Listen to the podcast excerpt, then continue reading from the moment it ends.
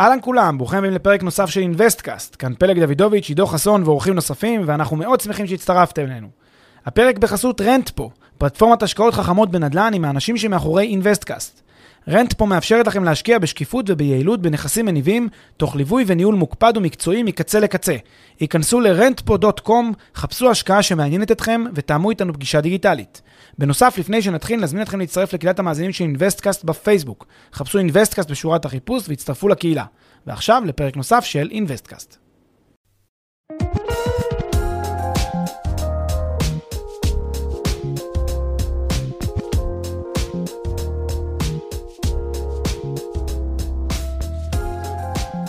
אהלן פלג, בוקר טוב. אה, עידו, מה העניינים? בסדר גמור, מה המצב? בסדר גמור, כיף אה, לשדר שוב אה, מכאן, מהאולפן המאולתר שלנו. מהאולפן המולתר, כן, שעבר עוד כמה אלתורים אה, בשבועות האחרונים, שמה שנקרא, לא יודע אם טוב או לא טוב שרואים או לא רואים. כן, נשאיר את זה בינינו. טוב, אז היום אנחנו מדברים על כל מיני טכניקות ומצבים בהשקעות בכלל ובעולם הנדל"ן בפרט, שיש בהם אפשרות ליהנות מפער של מחירים, או במילים אחרות מארביטראז'ים, שכאילו במרכאות שוכבים על, ה, על הרצפה ורק צריך אה, מודל עסקי חכם או איזושהי שיטה קצת יותר אה, מתקדמת כדי אה, לגרוף אותם. אה, ולפני שנתחיל לדבר על הטכניקות האלה בעולם הנדל"ן, בואו נראה ככה, אתה יודע, את הדברים ממעוף הציפור ונגדיר אה, את המושג הזה, ארביטראז', פער מחירים. המושג ארביטראז' הוא מושג מאוד מעניין בעולם ההשקעות, העולם הפיננסים, עולם הכסף, ואני חושב שהרבה אנשים לא מכירים אותו, אפילו שיש להם אינטואיציה טובה לגביו. אה, ארביטראז' זה בעצם ניצול של פער מחירים בין שני שווקים שונים לאותו נכס. יש לי איזשהו נכס מסוים, אה, ואת הנכס הזה יש לו שני מחירים, אנחנו תכף ניתן הרבה דוגמאות, נסביר למה, יש לו שני מחירים, אחד בשוק אחד והשני בשוק אחר. לפעמים זה, זה גם לא תמיד יהיה ממש שוק נפרד, לפעמים זה יהיה אפילו באותו שוק שיכולים להיות לו שני מחירים. והניצול הארביטראז' או הבנת הארביטראז' זה, זה לגרוף בעצם כסף מפער המחירים של אותו נכס בדיוק בין שני השווקים. למשל, בשוק אחד שווי הנכס הוא 100, בשוק שני שווי הנכס הוא 105, אז אני יכול לקנות אותו נגיד ב-101 בשוק הראשון, למכור אותו ב-104 בשוק השני, ולהרוויח את הפער שהוא פער ארביטראז', במקרה הזה הוא 3. בואו ניתן אה, איזה דוגמה קלאסית כזאת כדי להמחיש את הדברים. הדוגמה שהם בכל uh, בית ספר למנהל עסקים, בית ספר לחשבונאות, כלכלה מלמדים, בנושא של ארביטראז'ים זה כמובן נושא של חברות דואליות, חברות ציבור, ציבוריות שנסחרות uh, בשני שווקי הון במקביל, לדוגמה טבע הישראלית או חברות דומות, שנסחרות למעשה בשני שווקים, שוק ההון הישראלי, הבורסה לניירות ערך בתל אביב ובנסדק, ולמעשה כאשר יש לי חברה שהיא חברה דואלית, Uh, זו חברה שיש לה שני ציטוטים בעת ובעונה אחת, הציטוט שלה בבורסה בניו יורק והציטוט שלה בבורסה בתל אביב. Uh, לפעמים קורה שכאשר נסגר יום המסחר בתל אביב, או, או, או, או, או שיש כרגע מסחר בניו יורק, ועדיין אין מסחר בתל אביב, כי הוא לא נפתח, לא, לא התחיל השבוע בתל אביב, uh, יש איזושהי תנודה מיוחדת במניה, במניה הספציפית, נניח פתאום עולה 10-15 אחוז. את הפער הזה יש משקיעים, יש סוחרים שיודעים לנצל בצורות כאלה ואחרות לטובתם, למרות שהאפשרויות האלה הולכות ומתמתנות בגלל כל מיני תהליכים של מכרזים, מכרזי פתיחה, מכרזי נעילה, כל מיני דברים כאלה עושים, עושים משפיעים, משנים קצת את, ה, את היכולת לעשות טריידים על בסיס הארביטראז'ים האלה, אבל זו הדוגמה הקלאסית, זו דוגמת ה textbook. אז אם היה לפני כמה שנים רבות, אם, היה, אם היו חברות כאלה שנסחרות בשני שווקים ולא היה את, ה, את הטכניקות היום שמצמצמות את הדברים האלה, יכולתי עם ידע שיש לי על מה שקרה עכשיו בבורסה בניו יורק, לרוץ לחברי פה בארץ, להגיד לו, הנה בניו יורק היא עולה פלוס 7, המניה הזאת, בישראל היא רק פלוס 1, הולך להיות 6% פער, כי המחיר הולך להתאים, רוצו לקנות. אז, אז זה בדרך כלל מה שהיה, מה שהיה קורה אה, ב, ב, ב, בשווקים האלה כדי, לצמצ... כדי להצליח ליהנות מפערי הארביטראז'. כן, והדברים האלה גם חלחלו לחברות מסחריות, אה, סתם לצורך הדוגמה, מה שאתה יודע, מה שנקרא בתעשיית האדטק, יש חברות מסוימות שממש חיות על הארביטראז'ים האלה, אה, כן, יודעות לקנות מה שנקרא אינבנטורי בזול ולמכור אותו, את, את אותו המלאי הזה בעצם ביוקר וליהנות מפער מחירים, ובאופן כללי יש תעשיות שלמות שנשענות על ארביטראז'ים, אבל כדי שתהיה אפשרות כזאת, בכלל אנחנו צריכים שיתקיימו כמה תנאים בסיסיים פלג, נקרא לזה ככה, נכון? נכון, יש כמה תנאים בסיסיים, אה, ואולי למען הסכמטיות של הדיון, למען הסדר בדיון, נסביר אותם ונגיד אותם, ולמעשה אה, מי שיש לו איזושהי תפיסה לגבי מה זה ארביטראז' יכול בעצם להגיד את השורה הכללית, את ההסבר הכללי, שארביטראז' זה כל מה שאני מנצל פער, פער מחירים לטובתי. כן, אבל זה, זה, זה הניתוח הכללי. בואו ננסה לעשות את זה רגע סכמטי.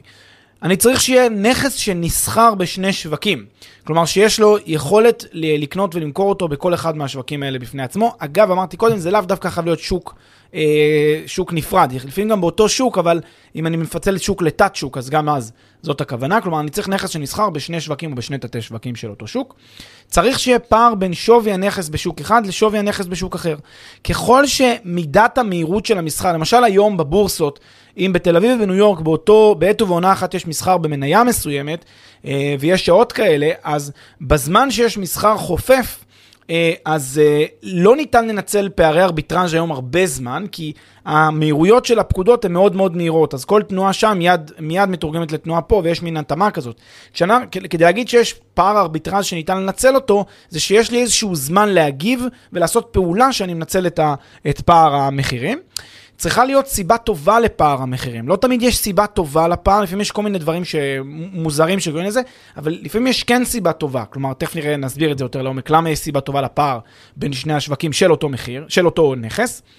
וצריך שעלות סגירת הפער תהיה נמוכה יותר מהפער עצמו. כן, כאילו, צריך שיעלה לי פחות לסגור את הפער מאשר עצם, מעצם הפער עצמו. הנה דוגמה טובה למשל למצב כזה. קח למשל מוצרים וסחורות שנמכרים בפריפריה בישראל, לעומת מוצרים וסחורות שנמכרים בגוש דן. אז בגוש דן, חלב, אה, לחם, גבינות, אה, מוצרים, מוצרים אפילו אה, רגילים, אקונומיקה ומוצרי ניקוי, עולים יותר מאשר בפריפריה, מאשר בסופרים בפריפריה, זה ידוע. אולי, פעם... אולי לא חלב ולחם והמוצרים המפוקחים. לא המפוקחים באופן... כמובן, כן. כן, אבל באופן עקרוני, כן. זה, זה ידוע, זה יש כל פעם כתבה כזאת ואנשים נורא נסערים, זה טכניקה שמכונה אפליית מחירים, זה, זה מונח מוכר בעולם הכלכלה והוא מונח שדווקא תורם לשוק, בניגוד, ל, בניגוד לתפיסה המקובלת, אבל כעיקרון, אה, הדבר הזה יוצר איזשהו ארביטראז', כי החלב, שוב, זה מפוקח, אבל, אבל לא יודע מה, מוצרי ניקוי זה אותו מוצר ניקוי פה ואותו מוצר ניקוי פה. אז uh, יש לי לכאורה פה בדיוק אותו ארביטראז' שאני יכול לגרוף. למה שאני לא ארוץ ואקנה עכשיו את האקונומיקה הזאת ב-5, לא יודע מה, ב-15-20 אחוז הנחה בעיר רחוקה מגוש דן, ואבוא לייבא אותה לגוש דן וננסה לענות מפער ארביטראז'. התשובה, כי את העלות הזאת של לנסות לסגור את הפער, יעלה לי כבר יותר מאשר מאשר הפער עצמו. רק הנסיעות, רק השילוח של הציוד והאספקה, יעלה לי כבר יותר מכל הפער עצמו, ולכן אה, פער ארביטראז' כזה זה לא פער ארביטראז' שאנחנו מגדירים אותו, כי אה, הוא, לא, הוא לא יעיל כזה. זה בעצם דוגמה לתנאי האחרון, שצריך שעלות סגירת הפער תהיה נמוכה יותר מהפער עצמו. מהפער עצמו, בדיוק.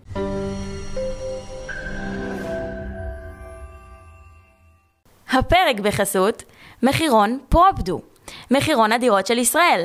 מחירון הדירות המקיף והמתקדם בישראל, המאפשר לכם לגלות בלחיצת כפתור מהו המחיר של הנכס.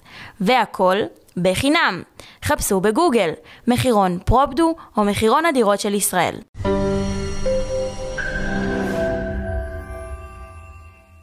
יפה, אחלה. אז בואו נצלול למהות של הפרק אחרי שהבנו ככה את הראשי פרקים. ונדבר על כמה מצבים יפים כאלה בשוק הנדל"ן, כשהמטרה היא לתת למאזינים גם זווית מעניינת אה, וגם רעיונות למודלים עסקיים יצירתיים בעולם הנדל"ן, שאולי אה, ייתנו להם השראה להיכנס, לה, אתה יודע, לעולם הזה של המרווחים. כן, אז, אה, אז, אז, אז, אז קודם כל, באמת, כמו שאמרת יפה, אני חושב שהפרק הזה, מעבר לעובדה שאנחנו נותנים פה איזושהי אובזרבציה כזאת על תופעה מעניינת, שכל מיני מודלים עסקיים מעניינים ומגניבים קיימים, הוא גם נותן השראה. הרבה מאוד פעמים באים אלינו ואנשים אומרים, תשמע, אתה יודע, שמעתי אותך באחד הפרקים, והלכתי והקמתי איזה משהו מהדבר הזה. מאוד כיף לנו לשמוע את זה. אם יש לכם, אה, גם אתם רוצים לספר לנו, שתפו, גם אה, כאן, גם בקבוצת המאזינים של אינבסטקאסט אה, בפייסבוק. אנחנו מאוד נשמח לשמוע תגובות שלכם לפרקים כמובן, וגם כמובן אם נתן לכם השראה, זה מאוד ישמח לדעת את זה. אבל כעיקרון, מה שפרק הזה יכול לעשות, הוא נותן מין רעיונות, כי אתה יודע, עולם הנדל"ן הוא עולם כזה, כבר הכל עשו בו, הכל קרה בו, אבל עדיין כל פעם מצליחים להפתיע אותנו מחדש עם מודל חדש שעדיין לא ראו, או שעדיין לא היה, או מין רעיון כזה, מין איזה פיצ'ר מגניב כזה שמישהו מטמיע, והפרקים מהסוג הזה נותן איזושהי השראה אפילו ליזמים, אה, אנשים שמחפשים קצת יותר אה, אה, לעשות דברים יותר מגניבים בשוק, וכמובן גם מאפשר למשקיעים עצמם, משקיעים בשוק הרגיל, לדעת שיש גם עוד אפשרויות לנכסים שלהם, שגם אותם יכירו. אז הצורה הראשונה, או הדוגמה הראשונה לארביטראז' שאנחנו רוצים לשים עליה את הזרקור, זה נושא של קיבוע שכירות, קיבוע דמי שכירות, או מה, או מה שמכונה ביטוח השכרה, או הכנסה קבועה מדמי השכירות. תחשוב שיש איזושהי חברה, שלי אה, יש נכס. עכשיו, חברה באה אליי ואומרת לי, תשמע, אתה, יש לך סיכונים בתור בעל נכס, מה הסיכונים שלך שלא תמצא סוחר, או שיהיה לך אה, בעיות בדירה, או שהסוחר אה, לא, לא יצא, כן יצא, עזוב, כל הסיכונים שיש לך בנכס הזה, אתה מעביר אליי. אין לך יותר סיכונים. מה שאני נותנת לך זה מדי חודש, אני נותנת לך צ'ק קבוע. עם ההכנסות שאתה מצפה לקבל מהנכס, נניח אתה מצפה לקבל 6,000 שקל בחודש הכנסה, אתה מקבל ממני צ'ק קבוע של 6,000 שקל בחודש אה, הכנסה, ריגרדלס למה קורה בנכס. מה שאני מקבלת בתור ה- ה- ה- מי שעושה איתך את העסקה, אני מקבלת את האפשרות בעצם לנהל את הנכס הזה מכאן ואילך. יש בינינו הסכם, אני שוכרת ממך את הנכס, אני עושה השכרת משנה של הנכס לצד שלישי, לאותו סוחר שיבוא וישלם לי, הוא משלם לי כמה שהוא ישלם, ישלם לי 5,000, ישלם לי 7,000, זה עניין שלי. אני ארוויח או אפסיד כתלות בתנאי השוק, אבל אתה מקבל את הסכום הקבוע שלך. זה, אה, אפשר להתייחס אל זה כאל ארביטראז' שניתן להפיק אותו אה, בעולם הזה של, אה, כן, בעולם הזה של שוק השכירות. אפילו בארץ יש כאלה חברות שיודעות לעשות את זה. בואו נראה רגע למה זה ארביטראז'. כי אה, אנחנו מדברים פה על איזשהו אה, נכס שנסחר בשני שווקים, כן? יש לי אה, אה, אותו נכס שהוא הדירה הזאת, המושכרת שלי, הוא יכול להיסחר בשוק הזה שיש בו סיכונים אל מול שוק שאין בו סיכונים. יש פה פער בשכירות של כמה אחוזים בודדים של תשואה שאפשר אה, להפיק אותה, כן? כי אה, החברה הזאת שנכנסת במקומי כנראה חושבת שהיא יודעת אה, לנהל יותר טוב ממני את הנכס הזה, היא יודעת בלי סיכונים להשיג קצת יותר תשואה. היא הרי עושה את העסקה איתי כי היא רואה את הרווח, היא רואה את המרווח הזה להפיק אותו. היא יודעת שהיא יכולה לעשות אה, 6,700 ולא 6,000, עוד 10% שכירות. לכן אם היא רואה שיש פה איזשהו פער לטובתה שהיא יכולה להפיק אותו. הפער נובע בגלל הסיכונים האלה, פער הסיכונים שאנחנו מחלקים אה, בינינו, אה, והאתגרים והמורכבות הניהולית שיש בנכס הזה, ועלות סגירת הפער לא גבוהה יותר מאשר הפער עצמו. והנה קיבלנו פה את כל ההגדרה הזאת, כל הסכמה הזאת של ארביטראז', אה, ממש הגדרנו את זה בצורה סכמטית, ויש באמת הרבה חברות שנותנות שירות כזה, ולאחרונה זה צץ, ומי שככה עוקב אחרי עיתונות כלכלית רואה את החברות האלה. אמ, בהחלט תופעה מעניינת, באמת סוגרת פער ארביטראז'. יפה, אז אני בעצם בתור מי שמאזין לפודקאסט, יכול לקחת את זה לאחד משני כיוונים. כן, או, או להיות אה, זה שמקים חברה שמנהלת דירות עם מה שנקרא שכירות מובטחת כזאת, ואז אני זה שנהנה מהפער של מה שאני אה, משלם למשכיר הראשון, כן, הראשי, לבין מה שהדירה מייצרת בפועל, או להפך, כלומר, אני המאזין בעל דירה, פונה לחברה שפועלת בשיטה כזאת, ורוצה לסגור מולה תשלום קבוע של שכר דירה, והם מתעסקים עם כל היתר ונהנים מהארביטראז' לגמרי, בדיוק. אני גם יכול אה, במובן הזה או, או ליזום בעצמי דברים מהסוג הזה, או פשוט ליהנות מזה שהתנאי הזה קיים, ולהקטין את הסיכונים שלי לאפס. אבל מה שיפה זה לראות את המודל עצמו. המודל מנצל פער ארביטראז' כשהארביטראז' הוא על בסיס הסיכונים האלה. יפה, אז בואו נדבר על עוד, אה, עוד דוגמאות לשיטות אה, שונות של ארביטראז'ים כאלה בעולם הנדל"ן. יש עוד דוגמה נוספת שאני רוצה, היא די דומה לדוגמה הקודמת, היא בכל זאת שונה ואני אסביר תכף איך, אבל לפני שניתן עוד דוגמאות נוספות, אני רוצה לציין גם אותה, והיא מה שמכונה, תופעה שמכונה Home as a Service. Service. Home as a Service זה מעין, עוד פעם, מין מודל כזה של השכרת משנה של אותו נכס אה, שכירות, רק שכאן, אם במצב הקודם עשיתי איזשהו שינוי, שינוי של, ה, של תנאי השוק, למשל, החברה הקודמת שינתה את השוק באמצעות ניהול יותר טוב, באמצעות, אה, לא יודע מה, מעבר לשורט רנטלס, באמצעות כל מיני דרכים שהיא הצליחה להפיק תשואה עודפת, או מזערה לי סיכונים, או כל מיני דברים מהסוג הזה, היא ממש שינתה את השוק, שינתה את, ה, את, ה, את השוק שהנכס הזה משחק בו. ב-Home as a Service, התפיסה היא שאנחנו משחקים באותו שוק, רק שסל השירותים שאני נותן על אותו שוק בדיוק, סל השירותים יותר גדול, ואני מפיק בתור uh, המשכיר יותר טובות הנאה. בסדר? מה הכוונה? קח דוגמה מצב שבו יש לי איזשהו, אה, איזושהי דירה ואני משכיר אותה עכשיו לסוחר. הסוחר יכול לשלם לי 6,000 שקל ועשינו עסקה והכל בסדר גמור. לחילופין יכולה להגיע חברה, חברה שאומרת אני חברת Home as a Service, אני נותנת לך שירות אה, לשני צדדים. לבעל הדירה אני נותנת, שוב, איזשהו דמי שכירות אה, קבועים במקרה הזה 6,000 שקל בחודש, ולסוחר שמגיע מטעם, מטעמי, מטעם החברה הזאת, אני נותנת שירותים שהם עודפים מעבר ל, אה, ל, לשירותי השכירות עצמם. אם בדוגמה הקודמת היינו על שירותי השכירות עצמם, פה נותנים שירותים שהם עודפים, שירותים שהם מעבר. למשל, נותנים לי אה, שירותים של, אה, אתה יודע, אה, כל מיני הטבות, כל מיני, להיות חבר באיזשהו ועד קהילה כזה, ליהנות מ... אפילו אה, אוכל שנותנים לי, אה, נותנים, אה, דואגים לכל הצרכים שלי, רכב משותף כזה, carpool שאפשר להשתמש בו, חדר כושר או אפילו אימוני כושר לחברי הקהילה, שירותי ניקיון, שירותי תחזוקה, כלומר אני בעצם בא וקונה מאותה חברה לא רק את הדירה עצמה, את ה-60 מטר, אני קונה מהחברה או משלם לחברה שירות על הרבה מאוד דברים נוספים מעבר לזה. די דומה למנגנון של קיבוץ, אם חושבים על זה שנייה רגע לעומק. קיבוץ זה סוג של home as a service של, של הדור הישן. ובמובן הזה, מה שבעצם uh, קורה כאן, אותה חברה שנותנת את שירותי ה-home as a מפיקה יתרון או מפיקה רווח מאותו ארביטראז'. הארביטראז' הוא מהעובדה שיש פה את אותו שוק, שוק, הדי, שוק הדיור, שוק השכירות, כן, הרגיל. רק שהיא מפיקה עליו רווח עודף מהעובדה שהיא נותנת אקסטרה לאותו בן אדם בצורה יצירתית, מפיקה כמובן רווחים על, ה, על השירותים שהיא נותנת, וזה המודל הכלכלי שלה. גם כאן אפשר לנתח את זה לפי מה שעשינו קודם, לא נעלה את המאזינים, אבל בעצם אם תנתחו את זה לפי המבחנים שציינו קודם, על הפער, על האם הפער מוצדק, והאם הפער, מכסים אותו בפחות מאשר עלותו, אה, תגלו שיש כאן מודל טוב, שהוא מודל ארביטראז'י אה, מאוד מגניב. אגב, זה גם קיים בתוך התחום של short rentals עצמו. יש הרבה חברות בתוך השוק של short rental, אז נגיד יש לי דירה שהיא כבר היום בשוק ה short rental, אה, לא בקורונה, אבל ברגיל, ואני פונה לחברת home as a service ואומרת להם, אה, קחו את הדירת short rentals הזאת ותעשו ממנה את ה-do your magic. מעבר, לה, מעבר לעובדה שזה לנכס לטווח קצר, פתאום יכולה לבוא חברה, ויש מודלים כאלה, שמה שעושה אותה חברה, היא בעצם באה ומכניסה אה, מין אה, אה, אה, אה, סוחר, כן, סוחר אה, כזה, סוחר משנה או, או דייר לטווח קצר, אלא שהיא נותנת לאותו אה, דייר לטווח קצר שירותים שהם דומים כבר למה ש... שירותים שכשמגיע, הלקוח שלה זה בסוף איזושהי חברה, נגיד חברת הייטק, שמביאה לארץ אה, כל מיני אנשים שצריכים להיות באיזשהו רילוקיישן לתקופה מסוימת, הם גרים בארץ עכשיו לאיזושהי תקופה, ואותה חברת home as a service נותנת להם שירותי קונסיירג' ושירותי רכב ושירותי ניקוי כביסה ושירותים, ו- ודואגת להם לאוכל ודואגת לכל מה שהם צריכים בעצם. ומי שמשלם על השהות הזאת זו אותה החברה המעסיקה ששולחת את אותו בן אדם לארץ. אז יש פה מעין, מעין תפיסה של כזה מלון all inclusive כזה נייד.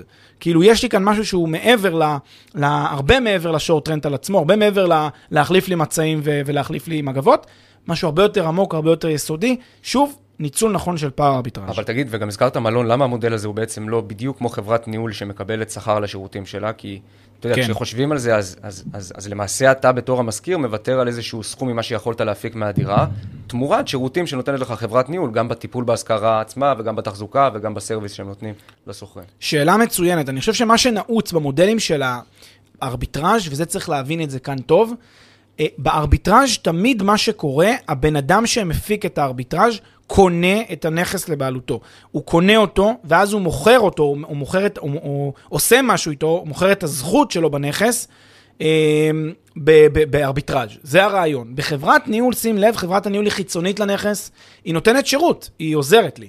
אני נשאר אבל הבעלים. בכל המודלים של ארביטראז'ים, שים לב, גם בשוק ההון כשאני קונה, אז אני אקנה בזול בבורסה אחת ואמכור ביוקר בבורסה אחרת. גם כאן אני קונה בתור אה, חברת הום איזה סרוויס, אני קונה את זכות השכירות מהמשכיר, אני מקבל, אני הבעלים של זכות השכירות הזאת עכשיו, ואני מוכר את זכות השכירות, כלומר משכיר בשכירות משנה את הזכות הזאת למישהו אחר. לכן אני בעצם זה שנכנס, זה שנושא בסיכונים, בדיוק, זה ש... בדיוק, יש הממד של הסיכון, אני חושב שזה שם המשחק. זה שאתה קונה את הזכות, מכניס אותך לאיזשהו מצב של סיכון, בדיוק. ובזה זה שונה מחברת ניהול שנותנת שירות חיצוני. בדיוק, לגמרי. יפה, אז בואו ניתן עוד דוגמאות ככה, נזוז קצת הצידה מהדוגמאות האלה של השכירות משנה לדוגמאות נוספות מעולם הנדל"ן, שבהן אפשר אה, אה, ליהנות מהמרווחים. כן, יש מודלים מאוד מעניינים שלא קשורים רק לשכירות, אלא גם לרכישה.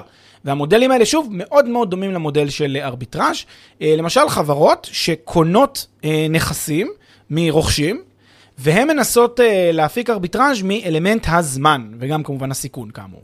מה עושות אותן חברות? דמיין שיש לך עכשיו דירה בארץ, בחו"ל, לא משנה מה, ואתה רוצה למכור את הדירה ולהיפגש עם מזומן. אלא מה, כמו שאנחנו יודעים, קיים בעיה, קיימת בעיה משמעותית בשוק הנדל"ן של נזילות, לפעמים לוקח חודשים, בישראל זה כמעט uh, תשעה חודשים uh, עד שנה למכור, uh, למכור דירה, שוב במחיר הראוי, כמובן שאפשר למכור בחסר, אבל במחיר הראוי לוקח הרבה זמן למצוא קונה.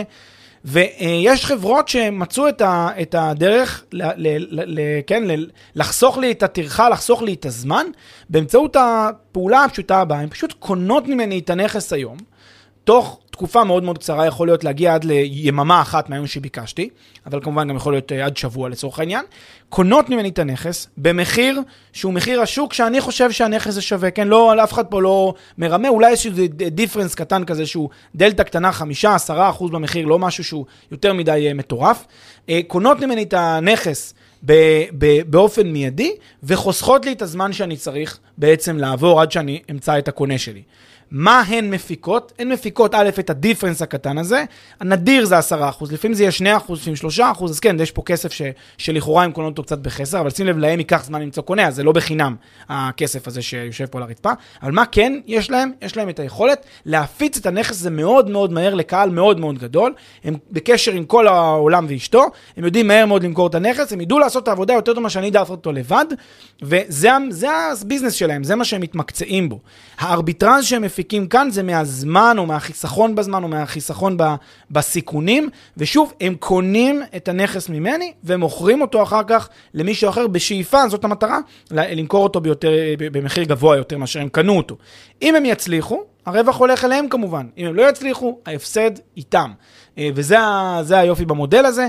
ושוב, אה, אני כבעלים של נכס יכול להיפטר ככה במרכאות בקלות מהנכס, והם עושים לי פה את השירות הזה בצורה די טובה. יפה, וזה שונה באופן מהותי ממודל של תיווך, כי בעצם המידלמן או המידל קומפני במקרה הזה, אה, מתחייב לרכוש את הנכס ולוקח לעצמו שוב את הסיכון. בדיוק. המודל כאן הוא, תשים לב שזה יהיה כאן הוא מודל דומה להפצה של מתווכים, דומה למודל הפצה של תיווך. הם ישתמשו ברשת הסוכנים הכי גדולה שהם יכולים לחשוב עליה, וזה יהיה, הם בסוף, בקור של הביזנס שלהם, הם אנשי תיווך. וזה מה שיפה פה, זה האדג'.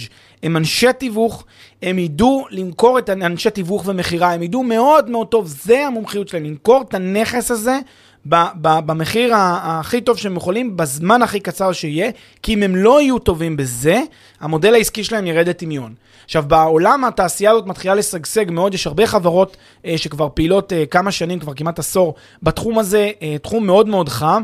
הרבה מאוד קרנות הון סיכון מגלות עניין בתחום הזה, אה, בגלל שהן אה, מזהות ש... אה, תראה, מה בסוף צריך פה? כדי לעשות, ואולי זה גם מתכתב עם השאלה ששאלת קודם, אבל זה, זה מתעצם משמעותית כשמדברים פה על, על נושא של רכישה. אם בשכירות, אין לך באמת אה, עלויות שאתה צריך לשלם משמעותיות כדי להיכנס לשוק השכירות, כי העלויות, החודש, העלויות בשכירות הן עלויות חודשיות או רבעוניות שמשלמים דמי שכירות. לא משלמים, אף פעם לא משלמים בפעימות קדימה, אה, או קונים משהו להרבה זמן. בשוק הבעלות זה קצת אחרת, שוק הבעלות, הסקיילים, המספרים מאוד מאוד גבוהים. שים לב שכדי לקנות דירות עכשיו ולעשות מזה ביזנס גדול, אני צריך שיהיה לי הון עתק כדי להתחיל איתו. לכן, קרנות הון סיכון אומרות, שמע, ובכלל קרנות נדל"ן, מה הן אומרות? הן אומרות, שמע, בואו נקנה, נ, נלך עם החברות, אני אתן להן את הכסף שישמש את ההון כדי לרכוש את הנכסים האלה, ו, אה, והם יעשו את המודל העסקי הזה שהם ידעו להפיק ממנו רווחים ולהפיק ממנו תשואות עודפות, ואם הם יצליחו, נהנה. אם הם לא יצליחו, אז בשונה מתעשיית ההון סיכון המסורתית, שבה אה, הרבה מאוד פעמים זה הכל או כלום, זה בינארי, כאן, אתה יודע, מה, מה ההפסדים? אז אה, נניח לא הצלחת למכור ב target price שרצית, אז תפסיד 10% אה, על הנכס, זה, זה הפסדים, אבל אתה לא אפס או 100, אתה לא הפסדת הכל. אתה לא יכול להגיע למצב במודל הזה, שאתה ממש נשאר עם ה... עם ה אתה יודע, בלי כלום. אה, כי זה, זה קצת שונה, ולכן זה מין משהו אטרקטיבי כזה. עדיין יש לך את האדג' הזה של, את הייחודיות הזאת של הון סיכון, את, ה, את היכולת של המוצר הזה כמוצר ל, ל, ל, להתפוצץ, אבל רמות הסיכונים יחסית נמוכות. אה, בגלל האלמנטים האלה של באמת מה, מה הסיכון המקסימלי שאני חשוף אליו למקרה שהמודל הזה לא יצליח. כן, גם בגלל הסיכון המקסימלי שאתה חשוף אליו במובן הזה שזה לא 0 או 100, כי 0 או 1, כן, אתה יכול להפסיד 10%, להרוויח 10% או כל דבר באמצע, אבל לא הרבה מעבר לזה משני הכיוונים.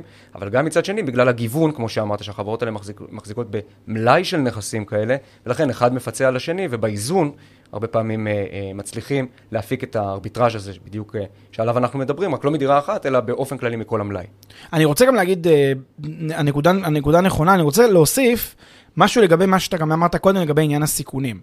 אה, עניין הסיכונים, הרבה אנשים לא מבינים, וגם עניין הסיכונים, גם עניין הזמן, גם העניין של הטרחה, והרבה אנשים, לפעמים יש להם בראש תפיסה שסיכונים, סלש טרחה, סלש זמן, זה מין דבר כזה אקסוגני, זה מחוץ לנכס, זה מחוץ לאישו פה, וזה לא שווה כסף.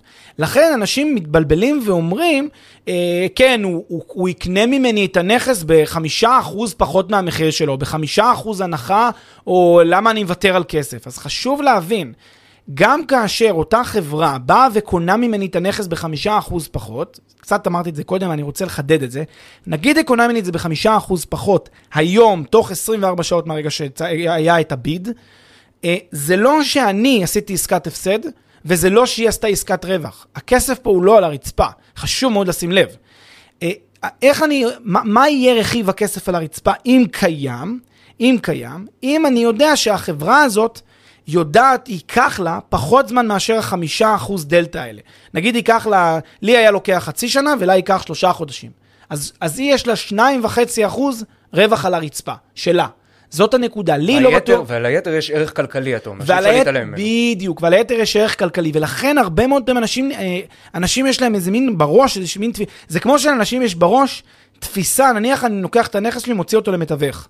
אז אנשים יש להם בראש, אם אני נותן אותו למתווך, ואני אשלם לו 2 אחוז פלוס מע"מ על, אה, על, על העסקה הזאת, כדי שהוא ימצא לי קונה, אז, אה, אז אני מוותר פה על כסף, והורדתי את המחיר שהייתי יכול, כי בסוף במקום לקבל מיליון וחצי, קיבלתי מיליון וחצי פחות שני, שני אחוז ממחיר הנכס. אז אני פראייר גדול וויתרתי וכולי. אותו דבר עורך דין, אותו דבר כל מי שמעורב בעסקה שלי. כל בן אדם, כל יועץ, כל מתכנן, כל בן אדם שהיה מעורב בעסקה, תמיד יש לאנשים בראש מתפיסה, מה, אני, אני ארוויח פחות על העסקה. מה שמסתתר פה זה שזה כלכלה פשוטה. ברגע שאני משתמש באותם גורמים בדרך, באותם מה שנקרא מידלמן, באותם מתווכים, זה לא בגלל שיש, אני מפסיד כסף, אלא זה משהו שהוא עסקת ווין ווין, אני מקצר לעצמי זמנים, ו- והוא גם מרוויח את חלקו על זה שהוא מקצר, והוא לוקח גם סיכונים שהוא יצליח לקצר באמת, ו- ואז באמת יש כאן הלימה מוחלטת בין האינטרסים של כולם. ו- ולא צריך להסתכל על זה כאילו יש פה כסף שוויתרתי עליו, ולכן המודלים האלה, גם המודל של ביטוח של שכירות, וגם המודל של ביטוח של הרכישה, העסקאות האלה של לקנות ממני תוך 24 שעות, 72 שעות, כל המודלים האלה הם מודלים מאוד מאוד יפים וחכמים ופשוטים, ואתה יודע מה? הם win win. triple win כזה, גם להם, גם לצד השלישי וגם לשוק כולו. על זה שהעסקה הזאת קורית, ולכן זה מודל מאוד מאוד יפה של ארביטראז'. כן, ואולי בגלל שבעולם הנדל"ן הדבר הזה לא מאוד מאוד רווח, כלומר, זו לא הדרך הטריוויאלית נניח לעשות עסקאות בנדל"ן, אז יכול להיות שבסופו של דבר זה לא מתגלגל למחיר שהצרכן הסופי לצורך העניין משלם, אה, אבל בעולמות אחרים שאני חושב שזאת הדרך, כן, לחיות מארביטראז'ים, שיש המון המון, המון חוליות בשרשרת, יכול להיות, אני לא נכנס עכשיו לשאלה של יעילות של שווקים ודברים מהסוג הזה, אבל שככה פועל שוק בהגדרה, הרבה פעמים העלויות האלה של כל המידלמנים האלה, וה, וה, וה, כן, הארביטראז'ים האלה שגוזרים בדרך כל מיני שחקנים, מתגלגלות בסופו של דבר אה, לצרכן הסופי. כן, השאלה, הרבה פעמים הביקורת... בשוק הנדל"ן, שוב, זה פחות רלוונטי, כי התופעה הזאת היא פחות רווחת, כן? הביקורת בדרך כלל על הדברים האלה, וה, וכל התנועת ה-cut the middleman, יש מין כזה תפיסה היום ב, אה, בעולם, ה, בעולם היזמות בכלל, של בוא ניצור מיזמי cut the middleman. התפיסה הזאת היא תפיסה, בעיניי היא, היא טיפה, היא שיווקית, כן? אבל היא מיתממת. הרי פלטפורמת cut the middleman היא middleman, נכון? הרי אם אני בא לפלטפורמה, מה זה חשוב אם אני אשלם למתווך 2% או לפלטפורמה 2%, שילמתי אותם 2%. אתה יכול להגיד, הפלטפורמה תעשה לי את זה ב-1.8 וחסכתי קצת פער. אה, יכול להיות, אבל אז יש שיגידו שה-0.2% האלה יש להם מחיר נוסף, למשל שלא ראיתי אף בן אדם, דיברתי עם איזה בוט בצ'אט ולא דיברתי עם בן אדם פנים אל פנים והיה לי קצת פחות ביטחון וכולי. זאת אומרת, כל התנועת ה-cut the middleman הזאת שמתפתחת, אה, יש לה, יש לה את ההיגיון שלה, אבל מצד שני גם מתעלמת מזה שהשוק לא הגיע לשיווי המשקל הזה אה, בטעות. במקרה. במקרה. הוא הגיע אליו כי כנראה זה מה שהיה צריך, וזה מה שנכון. אה, ואתה יודע, אנחנו גולשים פה קצת, אבל עוד משהו שבא לי להגיד אותו, הרבה מאוד פעמים כשאתה נגיד אה, פוגש איזה, אתה יודע, מכר, איזה חבר, וככה מדברים, מה שלומך, מה פה ומה שם, ואז אתה מספר לו מה אתה עושה ומה הוא עושה, ופתאום אתה מספר לו, אומר, תשמע, יש לי חבר, מאוד קרוב, וואו, הוא עושה כך וכך, ואז אה, נגמרת השיחה בזה, אומר, תשמע, אני מביא לך את הטלפון שלך, רק תזכור, תגמל אותי אחר כך, שיצא מזה משהו. ישר כזה יש לך בראש תחושה כזאת, מה, איך הוא, איך הוא אומר לי דבר כזה, רק תזכור, תגמל אותי על, ה, על הדבר הזה, מה, אתה לא, תיקח לי 2% על ההפגשה הזאת רק בגלל שהרגע זרקת לי שם של חבר. אז יש שיגידו, יש איזה ביקורת, cut the middleman וכולי, אני חושב שדווקא במובן הזה, אחרי שאני קצת אה, חושב על זה לרגע, יש איזה היגיון, יש איזה יתרונות, וזה טוב. זה טוב שיש לו את התמריץ הזה, כי אז הוא יודע כשהוא יפגוש מחר מישהו אחר גם להציע לו ולקדם את השוק ולייעל את השוק, וזה יריץ בין כולם מצב שבו כולם אה, דואגים לקדם, אה, כן, אתה יודע, לעזור לאנשים אחרים, גם אם הם ייהנו בדרך, אז, אז, אז כסף ילך לצדדים שלישיים, בסדר? אבל בסוף המשק יתגלגל בקצב יותר מהיר. יפה, אז כמו שאמרת, קצת גלשנו, בואו נחזור לפסים, נחזיר את הרכבת לפסים, ודיברנו על אה, פערי ארביטראז' שהם ככה, אתה יודע, באמצעות איזה מודל עסקי מסוים, איזה עוד סוגים של ארביטראז'ים קיימים בעולם הנדל"ן? יש עוד ארביטראז' מאוד חזק שאפשר לעשות, הוא לא על נכס, אלא הוא על ההון שלי כבן אדם. כן, יש לי הון, אני יכול להפיק היום, כן, מחר בבוקר, ארביטראז' על ההון שלי. איך? נניח אני גר בדירה בבעלותי, כבר ציינו את הדוגמה הזאת איזה פעם או פעמיים באינבסטקאסט, אני גר בדירה בבעלותי. אה, אני יש לי הון, ההון תקוע בבלוקים האלה בדירה שלי בפתח תקווה. אז את ההון הזה אני יכול להוציא, לחלץ מהדירה ש, שיש לי שם, ולהעביר אותו להשקעה אחרת, בין אם זה לשוק ההון, בין אם זה לנדל"ן במקום אחר. אני יכול את ההון הזה להעביר, ובלבד שיש לי כאן פער ארביטראז', בלבד שאני יודע להפיק על ההון הזה תשואה גבוהה יותר. בואו בוא נבין רגע את הנקודה. כאשר אני, אה, יש לי דירה נגיד בחדרה, והדירה הזאת אה, היא דירה שאני גר בה, אז אני עכשיו משלם לעצמי דמי השכירות, כבר הסברנו את זה, לא נחזור לנקודה הזאת, ואני מפיק על הדירה עוד גם איזושהי עליית ערך שנתית. בסדר? בוא נגיד שה-IRR, התשואה השנתית המצרפית שלי, נגיד 6% לשנה, וזה אה, יכול להיות הגיוני בתנאי השוק היום של חדרה, משהו כזה. נגיד 6% לשנה, זאת התשואה המצרפית הרב-שנתית שלי. עכשיו, הרבה אנשים יגידו, רגע, אבל דירה שאני גר בה, יש לי תשואה עליה? כן, יש לי תשואה עליה, בגלל שאני משלם לעצמי דמי השכירות, אז אני חוסך דמי שכירות, שהייתי אמור לקבל אותם, וגם יש עליית ערך אה, למחירים, בסדר? אז נגיד יש לי 6% IRR. עכשיו אני אומר לעצמי, רגע, ההון הזה, אותם אה, מיליון ארבע מאות אלף שקל שעכשיו תקועים בדירה הזאת, אני יכול להוציא אותם ולהעביר אותם לשוק אחר, למשל ליבנה, או למשל לשוק ההון בכלל, או לקנות בזה תמהיל של תיקים, או לקנות דירה במדינה אחרת בכלל, אני יכול להעביר את הכסף הזה, ונגיד שעל הכסף הזה אני יודע להפיק 10% IRR.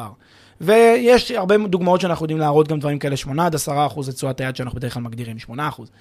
מספיק שיש לי תשואה עודפת שאני יכול להפיק, וגם שעלויות המעבר הן יותר זולות, כן, ברב שנתי, כן, עוד, עוד 2 אחוז לשנה, עוד 3 אחוז לשנה ב-IRR, ברב שנתי, בנטו. זה כבר מתכנס להרבה כסף בפנסיה. זה מין ארביטראז' שאני יכול לעשות אותו מחר בבוקר, יחסית בקלות על ההון שלי.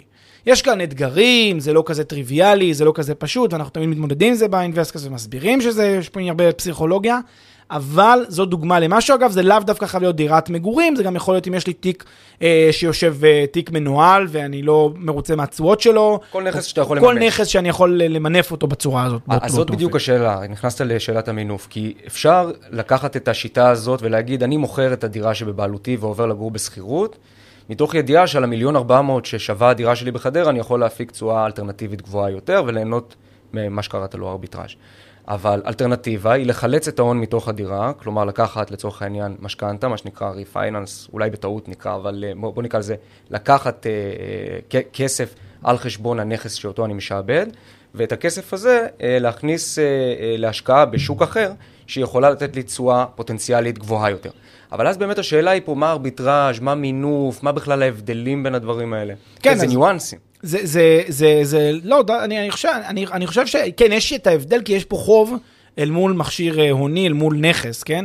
אה, אבל, אה, אבל בהקשר הזה של, גם בהקשר הזה של הלוואות, יש פה אחלה ארביטראז' שאפשר לעשות. אם אני יודע להפיק תשואה, זה גם הרבה פעמים אנחנו נותנים את הדוגמה הזאת, אם אני יודע להפיק תשואה יותר טובה בהשקעות שלי מאשר ההלוואות שלי, ויש לי יכולת עמידה בהחזרי ההלוואה לאורך זמן לפי תקציב רב-שנתי, אז יש לי ארביטראז' שאני יכול להפיק, שוב, על ההון שלי, באמצעות לקיחת אה, מש, משכנתה או מינוף. כן, אז נקרא, אז נקרא לזה בעצם, בואו נקרא לזה בשם גג, בעצם התשואה האלטרנטיבית על ההון מתפקדת כמעין ארביטראז'. בדיוק, בדיוק. יפה, אז אם אנחנו מסתכלים על זה ככה, מה עם עוד כל מיני אה, סוגים כאלה שונים של אה, הגדלה של התשואה, נניח אה, דרך חלוקה של נכס או כל מיני מודלים כאלה? בדיוק, אז גם אם אני לוקח את אותו נכס בדיוק, ואני עושה איתו פעולות מסוימות, ואני תכף אגיד אה, סייג לגבי פעולות אה, יזמיות שהן מורכבות, שכבר ממש משנות את הזהות שלו. אם אני לוקח נכס מסוים ופשוט עושה לו איזושהי אפילו חלוקה רעיונית כזאת, כמובן חלוקה חוקית, אם אפשר, ולא עולה לי, לא עולה לי לעשות את זה כסף, כי אם, אם עולה לי כסף ומתחיל להשקיע פה הוצאות, אז אני כבר במישור אחר, אני כבר לא באותו נכס. אה, אם אני עדיין באותו נכס, יש לי ארביטראז'ים שאני יכול להפיק. נניח דירת 100 מטר שהפכתי, ש- ששוכרת אותה, נגיד, אה, זוכר, שוכר אותה זוג עם ילד, ואני יכול להפוך אותה לדירה של שותפים. אותה 100 מטר, לא שיניתי כלום, לא חילקתי כלום פיזית. רק הכנסתי שותפים, יכול להיות שאני אדע לגבות מכל השותפים האלה ביחד סכום שעולה על הסכום שאני גובה מאותו זוג שגר שם עם הילד. ושוב, זה בגלל שזזת, שוב, רעיונית, בין שני שווקים, בין שוק. השותפים לבין שוק ה... ה- או להפך, כן, בין שוק השוכרים, הסטנדרטים של משפחה ושני ילדים וכלב, לבין שותפים שכל אחד מהם משלם קצת פחות ולכן הוא פחות רגיש. בדיוק נגעת בנקודה. זה הניתוח הסכמטי. יש לי שני, שוק, יש שני שווקים, יכול להיות שחלק יגידו, טוב, זה שוק המגורים בלאו הכי. אז אני אומר, לא, זה תת שוק של, של שוכרים שהם משפחה ותת שוק של שוכרים שהם שותפים. עצם העובדה שהלכתי לדירת שותפים, אז הופ, פתאום הגדלתי לעצמי את, ה, את, ה, את התשואה קצת, הגדלתי כי מכל שותף אני יכול לגבות, אם הדירה אני גובה עליה סך הכל 6,000, אני יכולתי מכל שותף לקחת 3,200 ולסיים עם 6,400 לצורך העניין, כן, נגיד שדוגמה כזאת תהיה אפשרית. אז זה, אז זה מצב ראשון, אה, ורק רציתי להגיד משהו שיבהיר את הנקודה הקודמת אה, אה, שקשורה ל... ל אה, חלוקות ודברים מהסוג הזה, חלוקות שהן חלוקות אה, גם אה, פשוטות, אה, שאני יכול לקחת לנכס ולחלק אותו, שוב, הכל בהנחה שזה חוקי, אנחנו לא ממליצים לעשות שום דבר שהוא לא חוקי. כל חלוקה שהיא מנצלת טוב יותר, אה, או מחלקת טוב יותר את, התא השטח הזה, בין אם זה לטאטא שטחים נוספים, בין אם זה אפילו לשבור קיר, כן? אה, אפילו פעולות כאלה, אותו שטח, אותו נכס, הכל נשאר הרמטית זהה, אני רק ניצלתי יותר טוב את המשאב הזה שנקרא היחידת, אה, היחידת מטר רבוע הזאת, היא ארביטראז' שאני יכול להפיק. ולכן אתה תראה הרבה מאוד יזמים, הרבה מאוד אנשים שהם יזמים הכי light שיש, שכל מה שהם יודעים לעשות, זה רק לעשות שינוי קטן באיך שהדירה שלך נראית, באיך שהנכס שלך נראה, מין touch כזה עדין, ואתה פתאום מפיק רווחים עודפים. אבל תגיד, אם- אנחנו מדברים על מעין אה, מיני flipים כאלה, כן? כלומר, דברים שבכל זאת דורשים איזושהי פעולה יזמית אה, מורכבת יותר או פחות, כן? לא, לא פשוט העברה משוק לשוק עם איזשהו תכסיס בדרך בכל אופן, אז למה אתה מתייחס לזה כאל ארביטראז' ולא כאל אה, יזמות לכל דבר? כאילו, איפה עובר הגבול? אה, אם הוא קיים בכלל בין אה, אה, ליהנות מאיזשהו פער אה, של ארביטראז' לבין יזמות.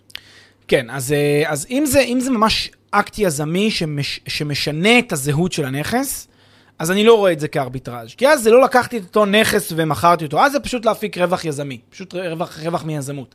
הרעיון בפרק הזה הוא לעשות פעולות יחסית מאוד מאוד פשוטות וקלות, ללא מורכבות יותר מדי גדולה, ולהצליח להפיק אה, אה, על, אותה, על אותה יחידה, בלי לגעת בזהות שלה, בלי לשנות אותה יותר מדי, להצליח להפיק ממנה אה, טובות הנאה גדולות יותר. אבל הרעיון הוא אותו רעיון, להפיק רווח עודף מאיזשהו שינוי קטן שאני כן, עושה. מאוד מעניין. ובגלל שזה כל כך מעניין גם אותנו, ואנחנו מחפשים תמיד אה, דברים מעניינים וסיפורים מעניינים בתחום, אז א', אם יש לכם אה, רעיון ודברים מסוימים שאתם רוצים ככה לעלות לדיון, אה, מוזמנים לעשות את זה בקהילת המאזינים של אינבסטקאסט בפייסבוק. נשמח לראות אתכם מצטרפים לקהילה, ואני חושב שהיה באמת פרק מעניין. מאוד מעניין. תודה, עידו. תודה. ביי ביי.